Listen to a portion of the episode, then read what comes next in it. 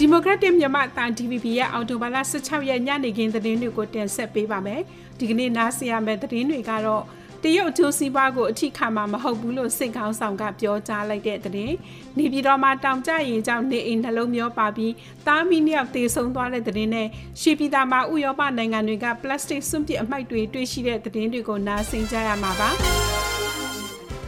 တရုတ်နိုင်ငံရဲ့အကျိုးစီးပွားကိုထိခိုက်စေမဲ့လှုပ်ဆောင်ချက်တွေကိုလက်သက်မခံဘူးလို့မြန်မာစစ်ကောင်ဆောင်ဗိုလ်ချုပ်မှုကြီးမင်းအောင်လှိုင်ကပြောကြားလိုက်ပါတယ်။အော်တိုဘာ15ရက်ကတရုတ်နိုင်ငံခြားရေးဝန်ကြီးဌာနအာရှရေးရအထူးကိုယ်စားလှယ်မစ္စတာသိန်းရှီကျွင်းနဲ့နေပြည်တော်ရှိစစ်ကောင်စီဥက္ကဋ္ဌရုံးမှတွေ့ဆုံစဉ်ပြောကြားခဲ့တာလို့စစ်တပ်သတင်းမှပြန်ကြားရေးအဖွဲ့ထုတ်ပြန်ချက်အရသိရပါတယ်။ဒီလိုတွေ့ဆုံရမှာစစ်ကောင်ဆောင်ကမြန်မာနိုင်ငံအနေနဲ့တရုတ်နယ်စပ်ဒေသတည်ငြိမ်ရေးနဲ့ဖွံ့ဖြိုးတိုးတက်ရေးကိုအလေးထားဆောင်ရွက်သွားမယ့်အကြောင်းမြန်မာနယ်စပ်ဒေသကိုအခြေပြုပြီးတရုတ်ကျိုးစီးပွားကိုထိခိုက်စေမဲ့လှုပ်ဆောင်ချက်တွေကိုလက်သိမခံကြောင်းအွန်လိုင်းလောင်းကစားမှုနဲ့အွန်လိုင်းလိမ်လည်မှုတွေပပျောက်စေရေးနဲ့နိုင်ငံပူးပေါင်းဆောင်ရွက်မဲ့အကြောင်းပြောဆိုခဲ့ပါတယ်။တရုတ်ထူးကိုယ်စားလှယ်တိတ်ရှိချင်းဟာမနေ့ကနေပြည်တော်မှာကျင်းပတဲ့တနိုင်ငံလုံးပြစ်ခတ်တိုက်ခိုက်မှုရပ်စဲရေးသဘောတူစာချုပ် NCA ရှင်းလင်းမြောက်အခမ်းအနားမှာလည်းတက်ရောက်ခဲ့ပါတယ်။အခမ်းအနားမှာတရုတ်နိုင်ငံဟာမြန်မာနိုင်ငံယုံကြည်အားကိုးရတဲ့အိမ်နီးချင်းကောင်မိတ်ဆွေကောင်မိဖက်ကောင်ဖြစ်တယ်လို့မစ္စတာတိတ်ရှိချင်းကပြောကြားခဲ့ပါတယ်။နိုင်ငံတကာတိုက်ဝိုင်းနေနဲ့လည်းမြန်မာနိုင်ငံအချုပ်ချအာဏာကိုအပြည့်အဝလေးစားပြီး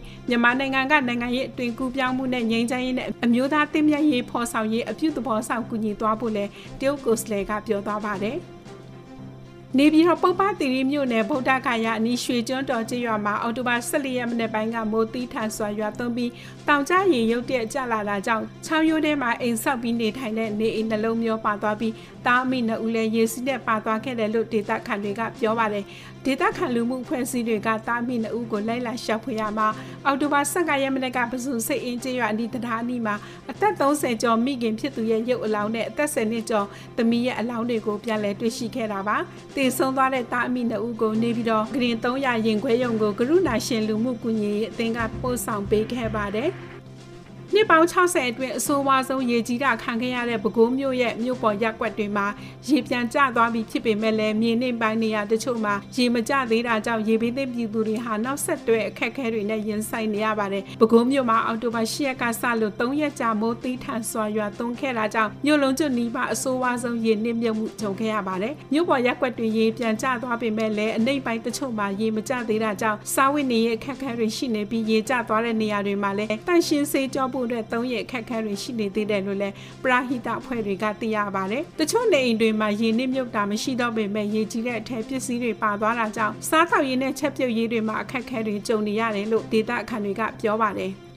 ကိုကန့်ကိုပိုင်အုပ်ချုပ်ခွင့်ရဒေသချင်းဝါရုခရိုင်ရှင်ဟွာမြို့နယ်နမ်ခုံဟော့ရွာနီစစ်ကောင်စီတပ်နဲ့ကိုက MNDAA တပ်ဖွဲ့ဝင်တွေအော်တိုဘာ14ရက်ကတိုက်ပွဲဖြစ်ပွားပြီးစစ်ကောင်စီဘက်က16ဦးသေဆုံး9ဦးဒဏ်ရာရခဲ့တယ်လို့ကိုကန့်သတင်းနဲ့ဒေသခံတွေကသိရပါတယ်။တိုက်ပွဲမှာလက်နက်ခရမ်းတွေအပြင်အတန်းလှင်းဆက်တစ်လုံးလက်ကင်ဖုံးတစ်လုံးနဲ့ဂျိုဒူဖုံးတစ်လုံးအခြားထောက်ပံ့ရေးပစ္စည်းတချို့တင်ဆက်ရမိကြောင်းလည်းဒေသခံကပြောပါတယ်။ကိုကန့်သတင်းဌာနကတော့အော်တိုဘာ14ရက်နေ့လယ်12:50မိနစ်လောက်ကအင်အား30ကျော်ပါတဲ့စစ်ကောင်စီစက်ကခ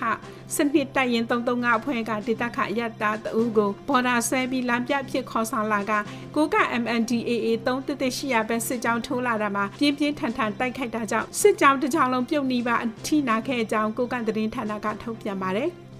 လက်လုံလက်စားအများစုနေထိုင်ရာရန်ကုန်တိုင်းရွှေပြည်သာမြို့နယ်မှာပလတ်စတစ်စွန့်ပစ်အမိုက်တွေဟာအမြင့်တမီတာလောက်ထိစုပုံနေတာတွေ့ရှိရပြီးဒီအမိုက်တွေဟာအနောက်ဥရောပနိုင်ငံတွေကစွန့်ပစ်အမိုက်တွေဖြစ်တယ်လို့မကြာသေးခင်ကပြုလုပ်ခဲ့တဲ့စုံစမ်းစစ်ဆေးမှုရသိရတဲ့အကြောင်း AFP သတင်းမှဖော်ပြပါတယ်။ဂျာမနီနိုင်ငံဟမ်ဘတ်မြို့အခြေစိုက်သူတေသနာအဖွဲ့ရဲ့အဆိုအရဂျာမနီ UK နဲ့အီတလီစတဲ့အနောက်ဥရောပနိုင်ငံတွေဟာကမ္ဘာပလတ်စတစ်အမိုက်ထုတ်လုပ်မှုအများဆုံးနိုင်ငံတွေထဲမှာပါဝင်နေတာပါ။ရွှေပြည်သာအနီးတစ်ဝိုက်မှာတော့လွန်ခဲ့တဲ့နှစ်တော်ကြာကလေးကလက်ကွင်းပြင်းနေတဲ့ညဉ့်ညမ်းစေတဲ့အမိုက်တွေပြင်းနှက်နေပြီးမိုးရဒီမှာရေမြောင်းတွေပိတ်ဆို့စေတာနဲ့မီးပြအန်တယ်ဖြစ်စေနိုင်တဲ့အခြေအနေတွေရှိနေတယ်လို့ဆိုပါတယ်ဒီစွန့်ပစ်အမိုက်တွေမြန်မာနိုင်ငံထဲကိုဘယ်လိုဝင်ရောက်လာသလဲအရေးအတွက်ဘယ်လောက်များများရှိနိုင်မလဲဆိုတာကိုတော့ရှင်းရှင်းလင်းလင်းမသိရသေးပဲထိုင်းနိုင်ငံကတရားမဝင်ပလတ်စတစ်တင်သွင်းမှုမှာအဓိကပါဝင်နေနိုင်တယ်လို့ဆိုပါတယ်ကုလသမဂ္ဂရဲ့အချက်လဲရမြန်မာနိုင်ငံရဲ့စွန့်ပစ်ပလတ်စတစ်အမိုက်အများစုကထိုင်းကနေတင်သွင်းလာတာလို့သိရပြီး2021ခုနှစ်မှာတန်ချိန်9500နီးပါးထိ